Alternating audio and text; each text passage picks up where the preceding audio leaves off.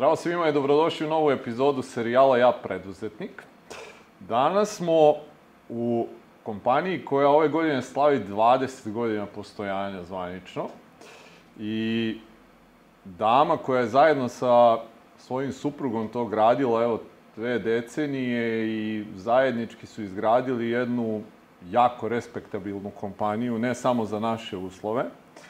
Dama koja je ambasadorka preduzetništva i koja je ove godine, odnosno ove sad koja je prošla za nama, dobila jednu zaista jako vrednu nagradu od Udruženja poslovnih žena Srbije za taj sad prethodni rad koji je imala i sve to što su oni postigli. I da ne bih ja dužio sa uvodom, pošto i niko nije ovde da gleda mene, meni je zadovoljstvo da vam predstavim Anju Ivanu Milić. Anja, dobrodošla u serijal Ja preduzetnik. Hvala ti na gostoprimstvu ovde u firmi. I evo za početak ja tebe da zamolim da nam predstaviš šta je to što vi, eto, dve decenije radite, nešto malo gledalci mogu da vide ovde iza nas, pa da nam ukratko, ako je moguće ukratko reći, pošto postoji zaista dosta toga što vi radite, ali za početak da približimo, eto, gledalcima ime firme i to što vi radite, eto, dve decenije. Đorđe, hvala što ste me pozvali u emisiju i bolje vas našla, a i takođe dobrodošli u prostorije Arhiproa u Beogradu. E, pa, a, dobro je ovo što ste pitali da približimo ime. Od imena sve kreće.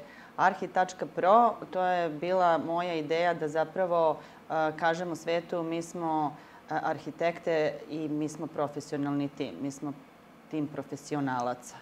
Um, da bismo bili profesionalni u građevinskoj branši na tržištu, shvatila sam da a, nije tu samo arhitektura u pitanju, već je neka naša ideja vodilja bila model kakav smo imali nekada, ako se sećamo stare Jugoslavije, ako se sećamo Titovog vremena, mi smo bili zapravo lideri e, u svetu, pogotovo onom trećem svetu, u građevinarstvu. Mhm. Imali smo velike građevinske firme, preduzeća, koja su zapravo imala u svom sistemu projektovanje i izvođenje radova, proizvodnju, razne tehnološke jel, ovaj, ogranke i mi smo bili kadri da zapravo a, pružamo taj sada popularni izraz design and build ovaj, svuda po svetu. I a, kada je, jeli, posle 90-ih sve to negde nestalo, meni je to bila ideja, možda sam bila malo i emotivna jer je moja majka bila šef u jednom takvom sistemu. Radila je u ovaj, preduzeću Rad, poznatom jeli, u to mhm. vreme, a bilo ih je puno. I pomislila sam da možda u, nekom, u nekoj maloj meri prenesem e, tu, e, tu strukturu i tu povezanost svih e, disciplina u građevinarstvu i da na taj način isto tako mi gradimo našu firmu, da je to integrisano projektovanje svih disciplina koje se bave projektovanjem u visokogradnji i da isto tako ponudimo tu uslugu od nekakvog idejnog projekta do celokupnog ono zatvaranja projekta detaljnog sa svim disciplinama i fazama i na kraju krajeva klijentu kažemo, ali hoćeš sada da ti ovo ja izgradim i napravim. Um, to je tada krenulo u neko na manjoj meri. 2002. smo se osnovali, mada sam ja 2000. te započela da radim na tom procesu kao preduzetnik, vlasnik mm -hmm. preduzetničke, da kažemo, radnje. Uh, A, ali 2002. smo suprug i ja a, rešili da eto, otvorimo Arhipro sa svim svojim ograncima i svim svojim specijalnostima kakav je i dan danas. Znači, vizija je postojala. Praktično se samo popunjavala ta mhm. struktura. Mi smo napravili nekakvu e, matricu firme, neki organogram, neku strukturu, kako ćemo raditi i koje ćemo sve usluge nuditi i koliko široku lepezu usluga ćemo imati. I onda smo je punili svih ovih 20 godina.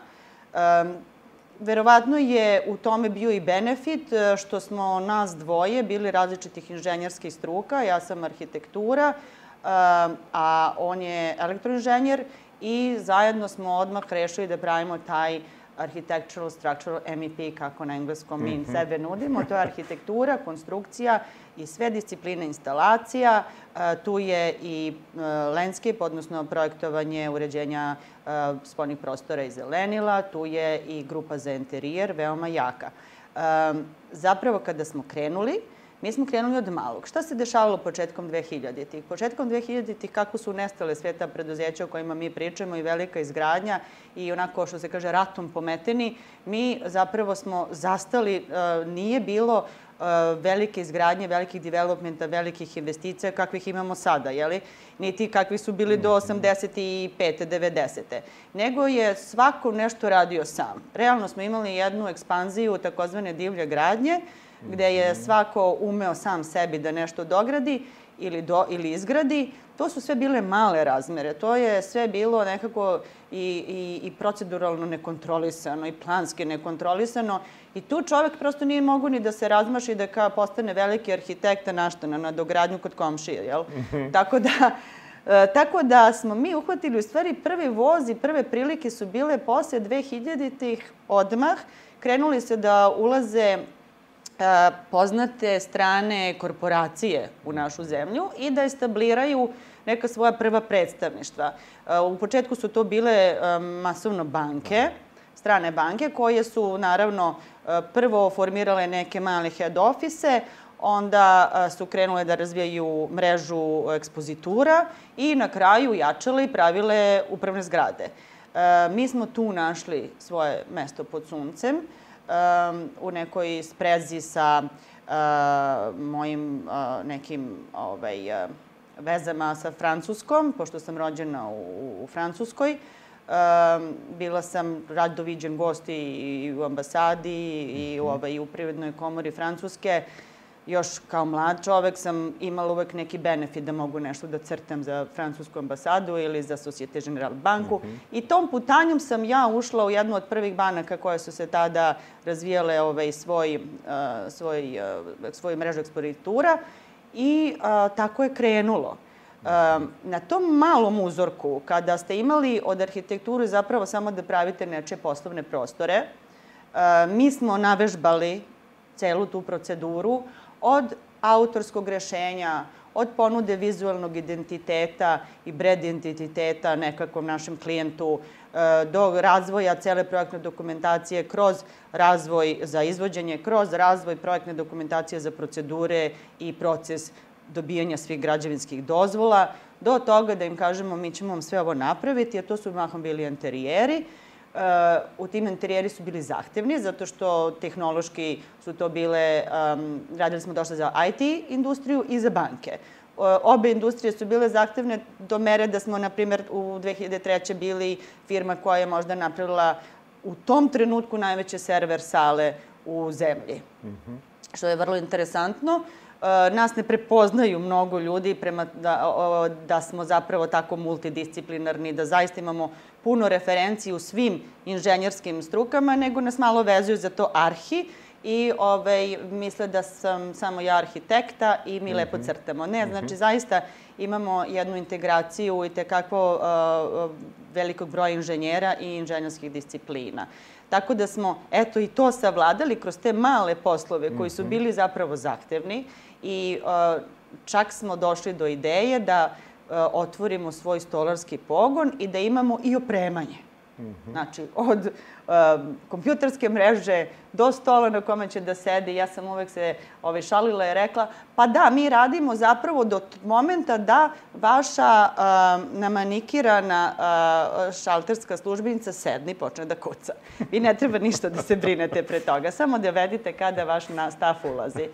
I oni su bili puni poverenja. Ja mislim da u stvari je bila sreća u tome što u tom trenutku nije još bilo jasnih um, regulativa i procedura. Ovde je nekako, oni su svi došli na ovaj teren kao kad bi otiš u Afriku, znate, i sad ne znaju šta će tamo da ih snađe, nema procedura ovaj, nikakvih u, u, u Srbiji, nego vas oni vode kroz svoje neke brand uh, standard bukove i vi to treba da ispoštujete I onda su ugovori nekako bili mnogo lakši. To nisu bile neke svote, neki budžeti u kojih je trebalo mnogo brinuti kako da se zaštite.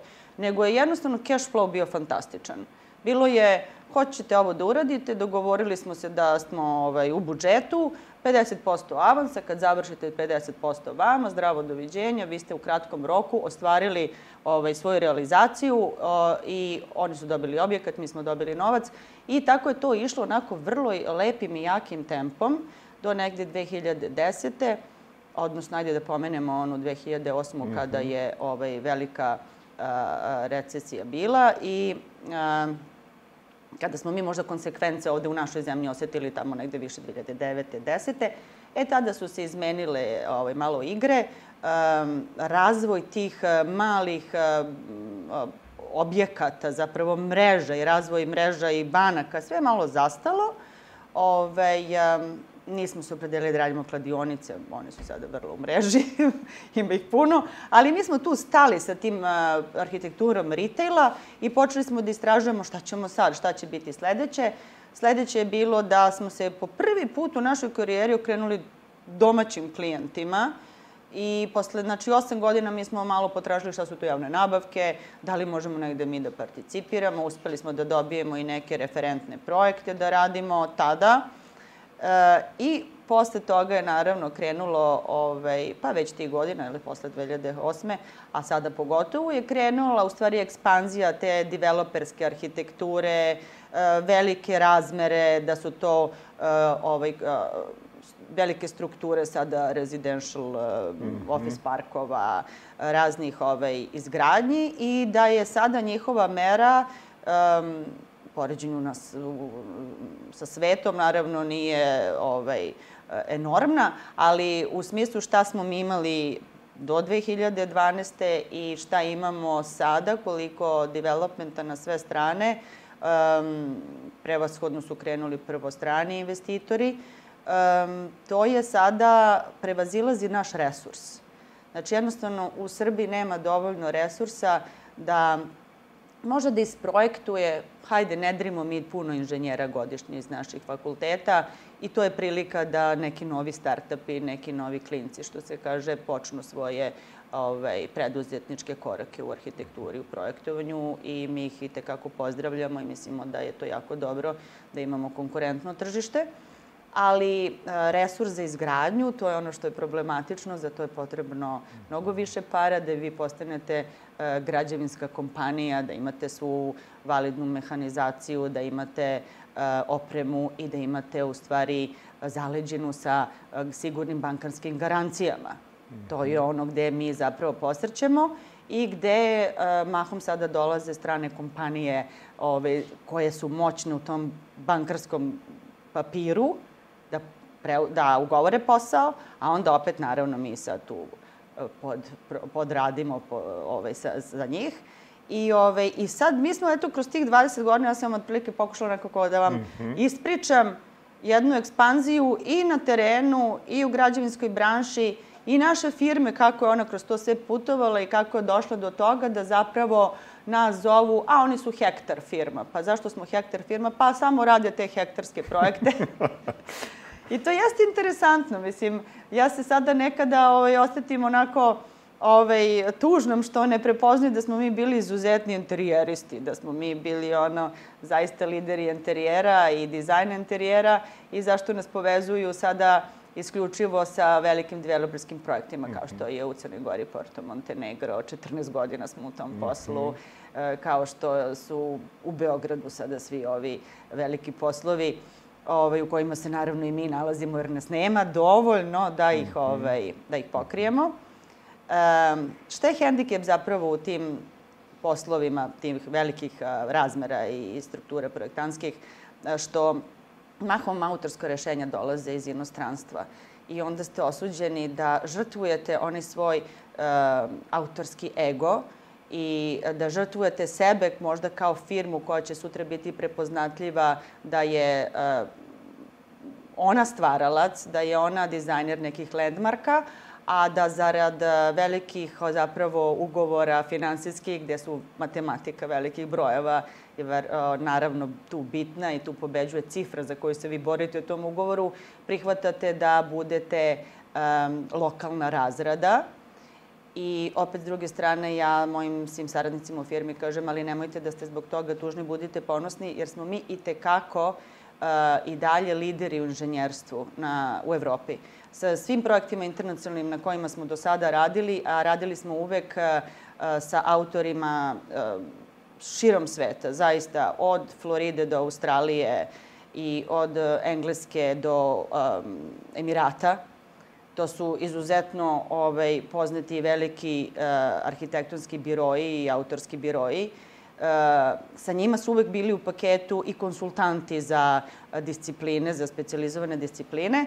Mi smo svaki put bili uh, pohvaljeni, mi smo svaki put bili oni koji ostaju na zadatku i koji se ponovo zovu u takve zadatke, jer je, ne pričam kad kažem mi samo kao arhi, arhipro, naravno, ali uh, generalno mi na tržištu imamo dobre inženjere i mi kao tržište smo neko ko u tome dominira i toga treba budemo svesni i zbog toga sam ja ponosna što smo mi to i dokazali i što ipak radimo i takve projekte gde smo možda druga linija ovaj, u eksponiranju, mm -hmm. jeli, ne kaže se, uh, kaže se prvo ko je autor, a onda se kaže ko je projektant. Mm -hmm. Ali sve to zajedno je jedno veliko iskustvo koje je 20 godina gradilo i mene e, kao i inženjera i kao arhitektu i kao menadžera. I e, mislim da, i gradilo i firmu naravno, i mislim da je to fantastičan put za svakog e, inženjera o, u našoj zemlji da, da, da mora jednostavno da sve to prođe i ovo, eto, to je bio neki naš model. Mm -hmm, okay o, preletala si sad tako onako preko tih nekih dve decenije, malo e, približila i industriju u kojoj se takmičite i uopšte te neke različite segmente koje imate. Ono što ću ja sad da uradim, da te vratim još jedan korak nazad. Spomenula si eto da si se rodila u Francuskoj i zanima me da krenemo od tih nekih početaka, da vidimo uopšte kako je izgledalo tvoje detinstvo, školovanje, pa da onda krenemo polako opet kao ovim godinama ovamo. Da. Um, ja sam se rodila u Francuskoj uh, zato što je to tada bilo vrlo uh, u trendu. da, ne da se rodiš u Francuskoj, nego da arhitekte um, u, iz Jugoslavije odlaze trbuhom za krukom 60-ih u Pariz. Mm -hmm. To je bilo neko mesto kao što je kasnije 90-ih bio London, kao što je posle bila Kanada, Australija i tako dalje. To je bilo neko iseljeničko mesto za arhitekte 60-ih. E, mi smo u našoj zemlji 60-ih e, gajili dosta tu francusku školu arhitekture i zbog toga dan danas imamo ovako dobar modernizam u, u, ako pogledate one zgrade koje su zidale tada ovaj, i taj brutalizam koji je sada ovaj, interesantan da se, o kome se priča, da je možda čak i neka tradicija sad ovde. Ovaj, e, To je zato što je jedna velika plejada arhitekata tada otišla ovaj, u, u Francusku, pa sa njima i moja majka a, kao mladi, mladi inženjer. I otac mi je tamo bio ovaj, isto u Parizu kao dopisnik večernjih novosti i oni su iskoristili nekakvu priliku da ovaj, odžive jedno deset godina tamo, da, da upoznaju ovaj, drugačiji način rada, mišljenja, kulture, vaspitanja, um, pravila i tako sam se i ja tamo rodila. I to što vezujem za taj prvi deo života je zapravo, iako uh, vam se čini da kad ste mali uh, nećete zapamtiti neke stvari ili neće uticati na vas ili nećete se setiti, ja se međutim strašno intenzivno sećam uh, nekih detalja koji su me u stvari napravili osobom kakva jesam. Mm -hmm. Sećam se momenta u vrtiću, Sećam se nekakvih um, pravila koji su mi tada govorili, kako se obraćaš, kako prvo kažeš dobar dan i hvala, pa onda sve drugo. Uh, sećala sam se um, nečega što je bilo jako podsticajno. Oni su um, se trudili da u svakom detetu u tom uzrastu malom pronađu talente i postalo je, postao je čitav jedan sistem nagrađivanja dece na bukvalno onako njihovom nacionalnom nivou uh, uh, da se takmiču u svojim talentima i ja sam tu imala jednu šansu već sa pet godina da se takmičem u slikanju. I ono što, što je bilo neverovatno uh, je da sam uspela da pobedim sa pet godina u slikanju u svim tim uh, francuskim vrtićima moj neki crtež vatrenog glava je pobedio. I ta pobeda mi je ostala toliko značajna za ceo život. Prvo, to radovanje svih oko mene, to priznanje, ta, ta euforija pozitivna um, je doprinula da možda i dan danas verujem da će se ljudi radovati kad uradiš nešto dobro. Iako nije uvek tako u našoj mm -hmm. sredini, meni je ostala toliko usađena mm -hmm. da sam sigurna da, eto, ja prosto krećem uvek prema ljudima da im ispričam šta su mi nešto lepo radili i očekujem sa one druge strane radovanje i to pružam. Ako ne dobijem, onda sam ona osoba koja ovaj, pruža tu radost sa svoje strane I eto, to je nešto što ja mislim da su tako neki sitni momenti tamo u tom mom odrastanju zapravo napravili te kako mene kao karakter ili kao osobu. Mm -hmm um, kada sam se vratila ovaj, iz Francuske, um, to je bilo nekako u tim nekim prvim razredima ovaj, uh, osnovne škole, uh, jesam imala neki moment šoka. Mm -hmm. Jednostavno, to je um, postati pionir, uh, Titov pionir, a da nisi znao pre toga ništa šta je to, ovaj, jeste mi malo sve bilo šokantno. Ovaj, odjedno su bila malo neka druga pravila. Ovde se svi obraćaju svima sa ti, ovde odjednom svi su nekako bili za moje neko razumevanje možda malo nepristojni u tom ovaj, obhođenju, mm -hmm. ali opet s druge strane, e, mislim da smo mi bili zaista 70. godina jedno i 80-ih jedno lepo društvo. Da je, da je i, i u tome opet bilo jako puno dobrih stvari koje sam ovaj, ponela sa sobom ovaj, u život, verovatno zato što sam imala dobre učitelje.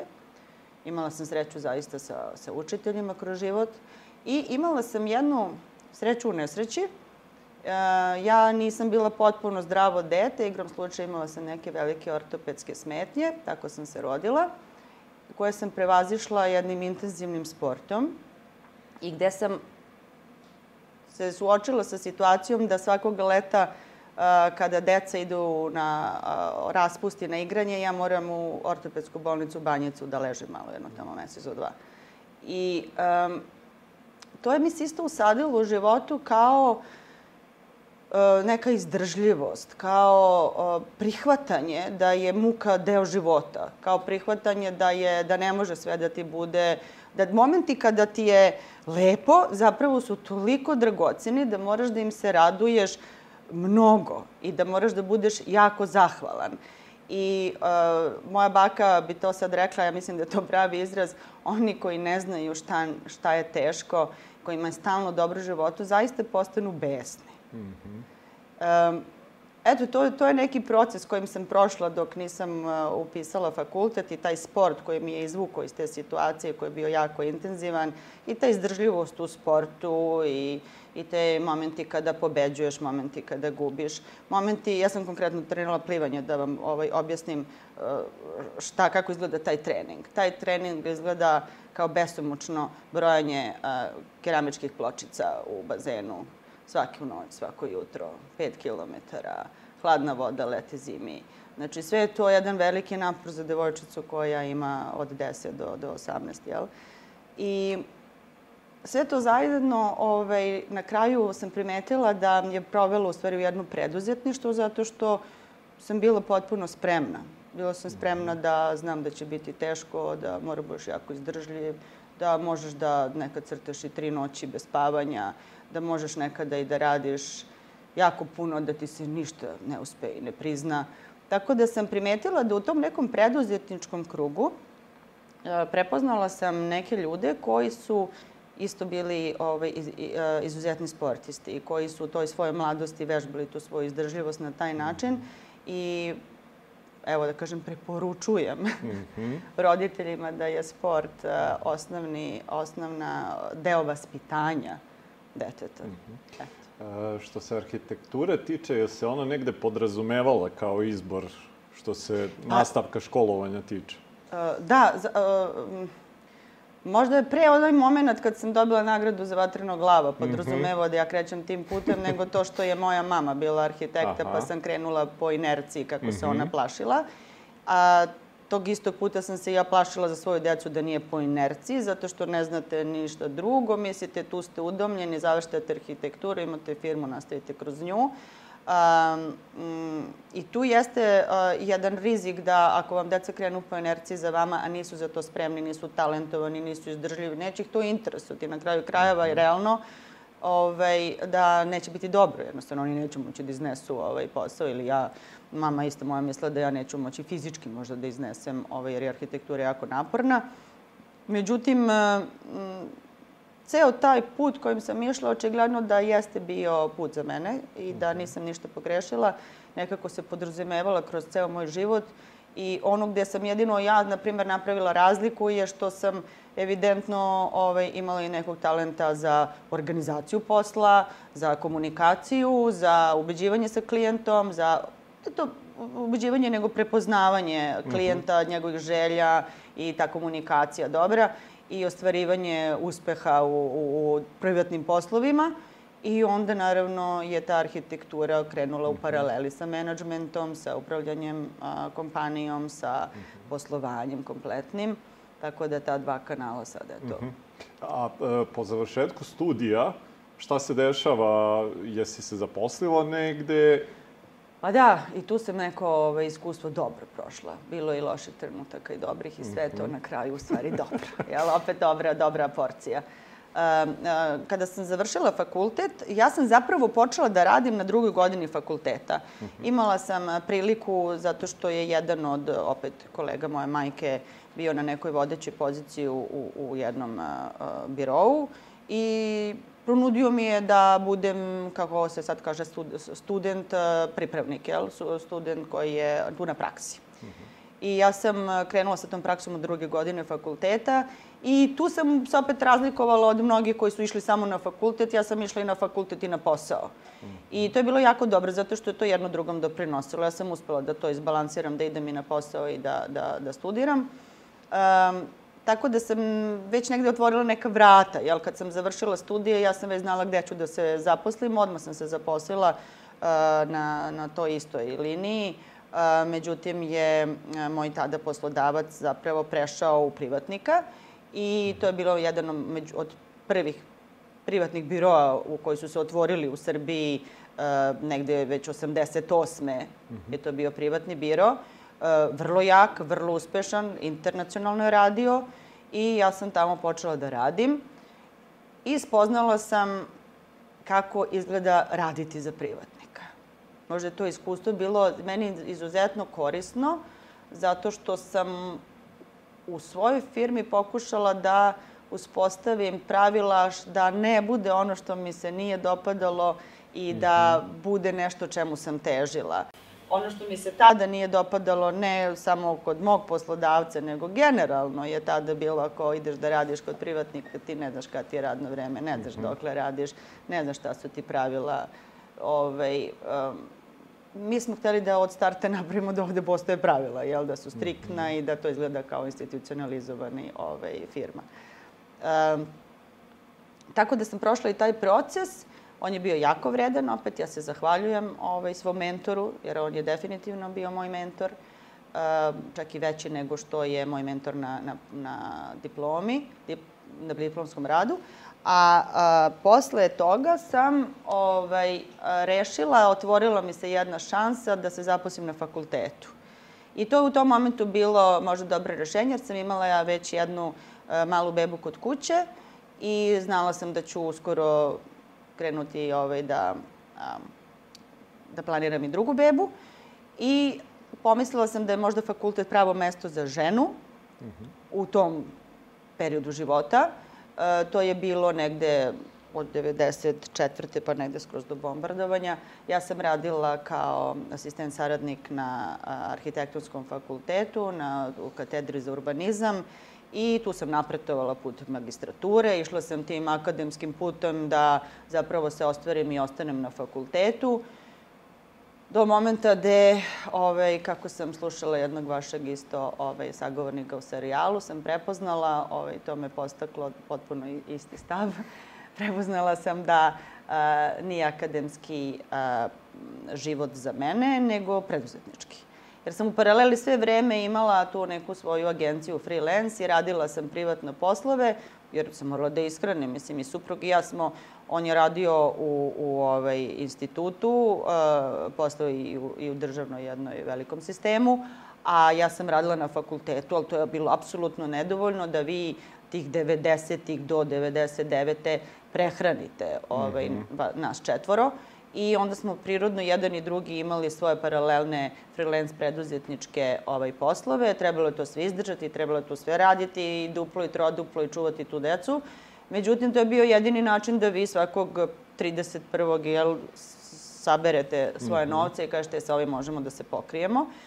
Tako da u onom trenutku kad sam shvatila da um, da je na fakultetu za, za moj neki karakter previše jedna negativna selekcija i previše je tu jedne dugogodišnje inferiornosti dok ne dođeš do određenih titula, da to prosto ne prija ovaj, meni, pravi me lošom i, i nesrećnom osobom, a da tamo kada radim za ovaj, druga lica, za svoje klijente i kada ih činim srećnim i dajem projekte, oni meni eh, plaćaju moj rad, da je to za mene neverovatno ovaj, dobro i zdravo, čini me srećnom, a pogotovo me čini srećnom svaka realizacija, kada to i uspe onako kako smo zamislili. Tako da sam praktično, eto, te neke, to je bilo posle bombardovanja, da kažem, 2000-te, rešila da postanem apsolutno privatnik. U tome me je mnogo podržao suprug. A kakva je bila reakcija ostatka okruženja, porodice, prijatelja? Suprug me je apsolutno podržao i rekao da ne žele više da me vidi kako svakog večeri kad dođem kući sa fakulteta plačem. To ne može više. I to je bilo dobro.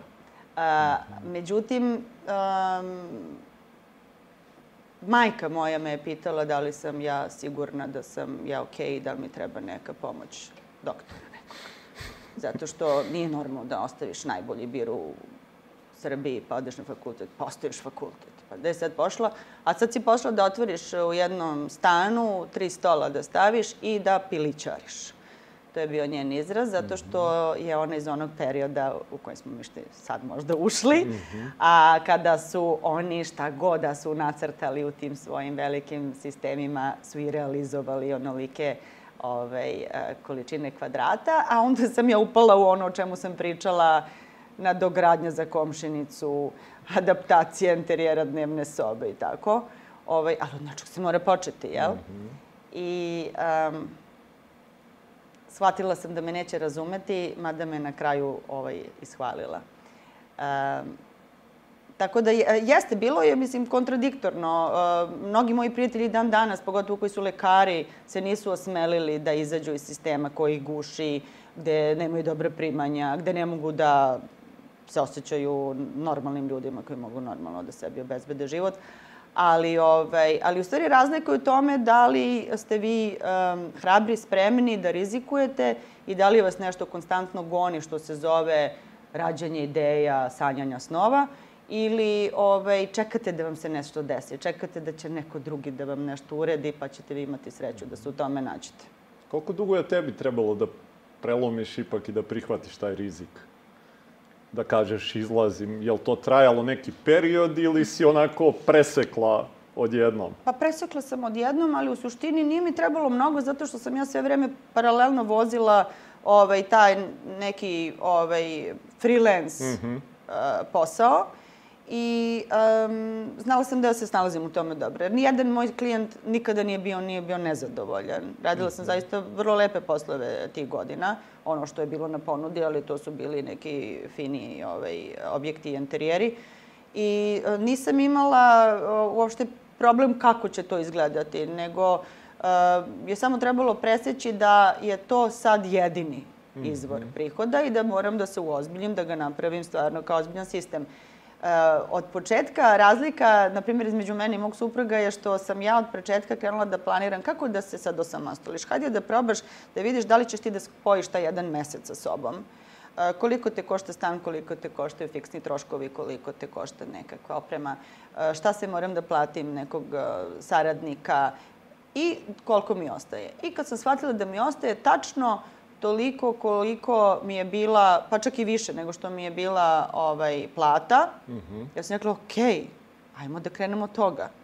Mm -hmm. Da sama sebi tu platu uh, ću obezbediti, pa da vidimo kako ćemo dalje. I posle toga mi se ubrzo i suprug pridružio. Jeste, u jednom trenutku smo se pitali, on je prvi mene pitao, uh, čekaj i ja sada da izađem iz eh, državnog dobrog sistema na poziciji sigurne plate i da krenemo na trotoar, nas dvoje sami s dvoje dece, ali si sigurna? A rekao, sigurna sam jer mi si mi potreba, ne možeš ovako. Krenuli smo da radimo sada neko integrisano ovaj, projektovanje i građevinske usluge, a da ti ostaneš sa jednom nogom tamo ne vredi. I eto, mhm. hrabro smo se otisnuli i naravno, mislim, E, svako vreme ima svoje rizike i uvek je rizično, samo vi imate jedan život i on je sada, tako da... Mm -hmm. U tim početcima, e, sad kako si rekla to suprugu, deluje da si bila zaista sigurna u sve to. Je li postojalo ipak strah? Pa nije. Nije, zato što smo mi generacija koja je, nažalost, toliko bila istraumirana svim promenama i dešavanjima da sam samo bila svesna, ako nije to biće nešto drugo, ako nije ovo biće ono. Mm -hmm. Potpuno smo bili spremni na promene i probat ćemo, pa ako ne ide, vratit ćemo se tamo, uradit ćemo nešto treće. Znači, nismo svakako bili generacija koja je um, bila, bila uljuljkana u nekim sigurnim sistemima mm -hmm. i mhm. koja je negde neko nešto garantovao. Nije bilo garancije nigde.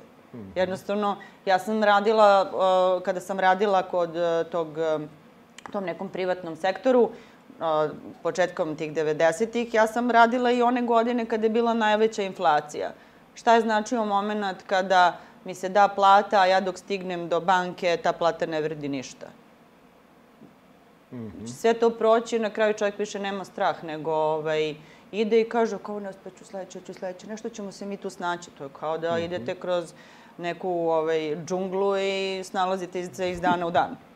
E, kad ste zajednički sad ušli u sve to, e, šta su neke prve stvari koje su e, napravile neki iskorak i dovele do toga da se javlja i potreba da zaposlite sad još neke ljude pored pa, vas? Definitivno što sam pomenula na početku. Znači, mi smo imali dobru priliku da je odmah čim smo ove, ovaj, krenuli da radimo, smo imali tu konekciju sa um, ozbiljnom korporacijom i, uh, i internacionalnom korporacijom koja nam je dala jedan sistemski posao i što smo se već tu negdje do 2003.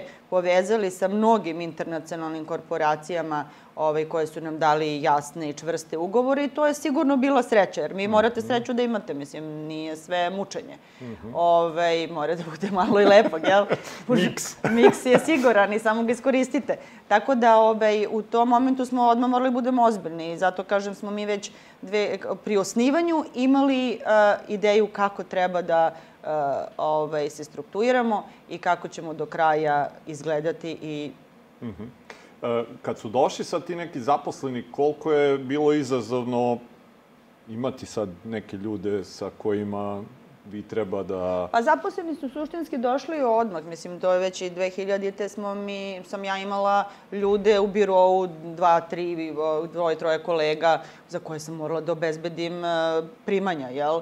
To je bila ona prva matematika. Mm -hmm. Ja sastavljam s prvim mesecom sama za sebe. Aha, dobro. E, onda Uh, pored ove kuće ugovorila sam još jednu. Hajde da vidimo koliko je sad to priliva. Ha, mogu sama, ne mogu sama. Hajde da dođe jedan saradnik, koliko njemu plaćam. Znači, to je, kako vam kažem, bio jedan kao domaćinski mikromanagement svake žene domaćice, mm -hmm. kako će ona to sve da rasporedi. Tako uglavnom žene kreću, muškarci kreću onako malo strateškije, krenu uvek na veliko.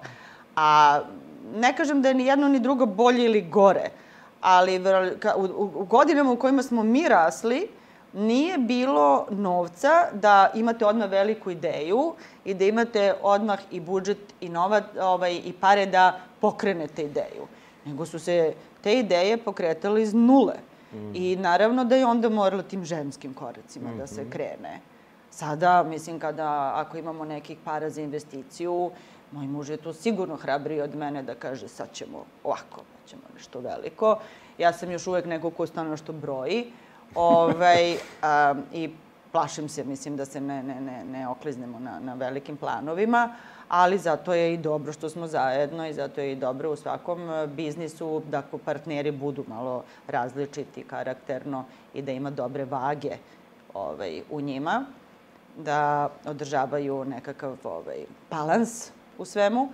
Tako da tada, eto, krenulo je tako mic po mic, jeli? Mm -hmm. kada, je to, kada nas je posao prevazišao, kada smo mi ugovorili uh, dosta posla za tu kompaniju, 2002. smo otvorili firmu koja je u stvari otvorena samo već na postojećim ugovorima. To je već mhm. sve bilo ovaj, obezbeđeno, nije bilo o, da vi ne znate šta radite. Zbog toga je i nastalo, mene svi kažu kako si mogla već 2002. da znaš da ti imaš i ogranak e, inženjeringa i ogranak Arhipro projekta, projekte o nje, i Arhipro Furniture za proizvodnju, mm. i Arhipro Invest za invest. I kako ste to sve to smislila?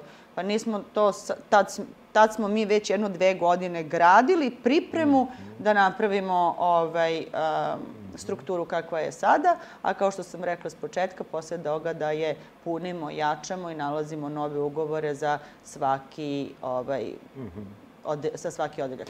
Šta su neke stvari u tom trenutku koje si morala da naučiš, a koje nisu vezane za taj deo arhitekture kao takve, nego već više za preduzetništvo, za vođenje same kompanije i ljudi koji tu rade? Uči se sve vreme. Znači i tada i sada se uči. E, firma raste. Moment e, taj e, rasta firme u smislu veličine firme, u smislu veličine prometa, u smislu broja ljudi i kroz opet vreme gde se menjaju neke regulative, procedure, pravila, uh, gde se stilovi menjaju, gde se, mi smo inženjeri, menjaju se softveri, menjaju se mhm. potpuno uh, pristupi kako ćeš raditi. Rasti čovek, jel? On se razvija, on uči i nema kraja. I uh, ja sam se trudila da da dobijam savete dobre, da uh, ono što ne znamo o bankarstvu ili financijama, tu je malo više opredeljen moj suprug. Naravno, idemo, ako smo već radili za banke, mi postajemo s njima prijatelji, idemo na prijateljske razgovore, idemo da nas oni uče i ekonomiji i novcu. Um, management smo učili pa više kroz taj naš neki prirodni talenat da rukovodimo i da organizujemo i kroz uh, taj e, neku energiju koju smo imali e, da, da, da se sa ljudima možemo lako ovaj, povezati i, i, i komunicirati, ali svakako smo krenuli i da puno čitamo, da se informišemo, da opet pričamo sa drugima. Tako da iskustvo je jedno, talenat koji imate urođeni je drugo, a treće i možda najvažnije je da stalno istražujete šta to svi drugi kažu i šta su pravila i naravno neka usvojate, neka ne usvojate, neka primenjujete, neka ne. I dan danas, eto baš kako smo i pričali pre snimanja, je meni jako važno da pronađem neku dobru knjigu, da pronađem sagovornika, da čujem od svakoga neke njegova iskustva i, i, i ovaj, preporuke kako to radi Jer um, mnoge knjige vam kažu kako treba da radite, ali u nekakvom idealnom sistemu ili u idealnom društvu ili sa idealnim resursima ili sa idealnim ljudima. A vi to nemate. Znači, možda nekad imate neki segment idealan, ali nemate sve. I prevashodno, uh, sada, uh, poredići 2022. sa 2005. 7 mi imamo nekako sve neki razmaženi stav, sve neke ljude koji bi da rade, a ne bi da rade, koji očekuju da da smo mi sad procvetali, jer mi se više ne nalazimo u 99. i ne nalazimo se u 2008. I sad su svi procvetali, sad oni svi to misle sad da to cveće pada s neba, mi ćemo da dođemo tu na posao pa da ga pokupimo. Međutim, verujte mi, teže je sada možda nego ikada i bit će nam sve teže, jer vidite svi gde smo pošli, prešli smo u jednu tehnologiju koja će nadmašiti čoveka i gde će ljudski resurs na kraju zaista biti ovaj, možda suvišen. I pokušavam da im objasnim da sad pravila koja mi sad imamo u ugovaranju poslova i koje su nam nametnuta iz eh, mnogih internacionalnih eh, standarda ugovaranja poslova, evo konkretno u građevinarstvu, su neverovatno sve inovativnija i bez kraja njihovoj, njihovim idejama koliko da to bude složeno, koliko da to bude uh, uh, teško u smislu za ugovarača, a da na neki način, naravno, štiti developera. I, i celi, svi ti standardi, oni su u stvari um, um, razvijaju na način da zaštite investitorov novac. Mm -hmm. Ne razvijaju se oni da zaštite ovog servisera. Nama je sada sve teže. Naš nivo, zapravo obim dokumentacije koju mi treba da predamo kada završimo posao je puta tri u odnosu na 2010. A 2010. je bila puta tri u odnosu na 2002. Nešto što sam ja radila um, sa šinom, sa uh, najlonima i rapidografima 2093. jel? Tad sam već prešla računar, ali da kažem 90. Ovaj, uh, pa to je nepojmljivo. To sad kad se spoje ti, ti crteži i predaju sa onim šta se sada sve crta. To je zapravo jedan digitalni svet, jedan building information modeling zgrade koja je maltene živ organizam koji vi tako isporučujete digitalno, gde je toliki set ljudi, toliki set znanja morate da primenite da to može da se ovaj, a, proizvede. A s druge strane, sve nešto globalno ide nekakvom kao pojeftinjenju. Jeste da neki proizvodi poskupljuju, jel? Zato što, mislim, imate neku inflaciju, pa kažete, sad je nešto poskupelo. Ali kad vi to, u to stavite fiksne troškove i koliko ste uneli rada, materijala i svega, vi zapravo shvatate da su sve marže manje, manje, manje i dokle to vodi ne znamo. I tako se, evo, reperkutuje sada i na građevinarstvo, da e, jeste poskupeo možda čelik i jeste poskupeo neki materijal i mi ćemo sad tamo predati neku varijaciju da ova pozicija više ne može toliko da košta, da nam priznaju već u tekućem ugovoru da imamo izmenu cene, ali ta izmena cene zapravo e, ne obezbeđuje i našu, naš profit i našu maržu da, da ostane zdrava i normalna za, za funkcionisanje. Nego, e, onda tu kao krenu da, da se stiskaju čak mi sami da se takmičemo jedni s drugima. Znači, ne natera nas baš klijent svaki put, on nas gazi i pita jel hoćete još niže. Ali mi sami sebe, mi smo konkurencija, mi smo jedna nezdrava konkurencija vrlo često u ovom regionu, koja e, ima za cilj uvek samo da uzme posao. E tu kad bi se malo promenili i kada bi kao neki zdravi ovaj, deo sveta razmišljali Je li je pojenta da uzmeš posao ili je pojenta da si uzeo zdrav posao? Zdrav ekonomski, finansijski po tebe.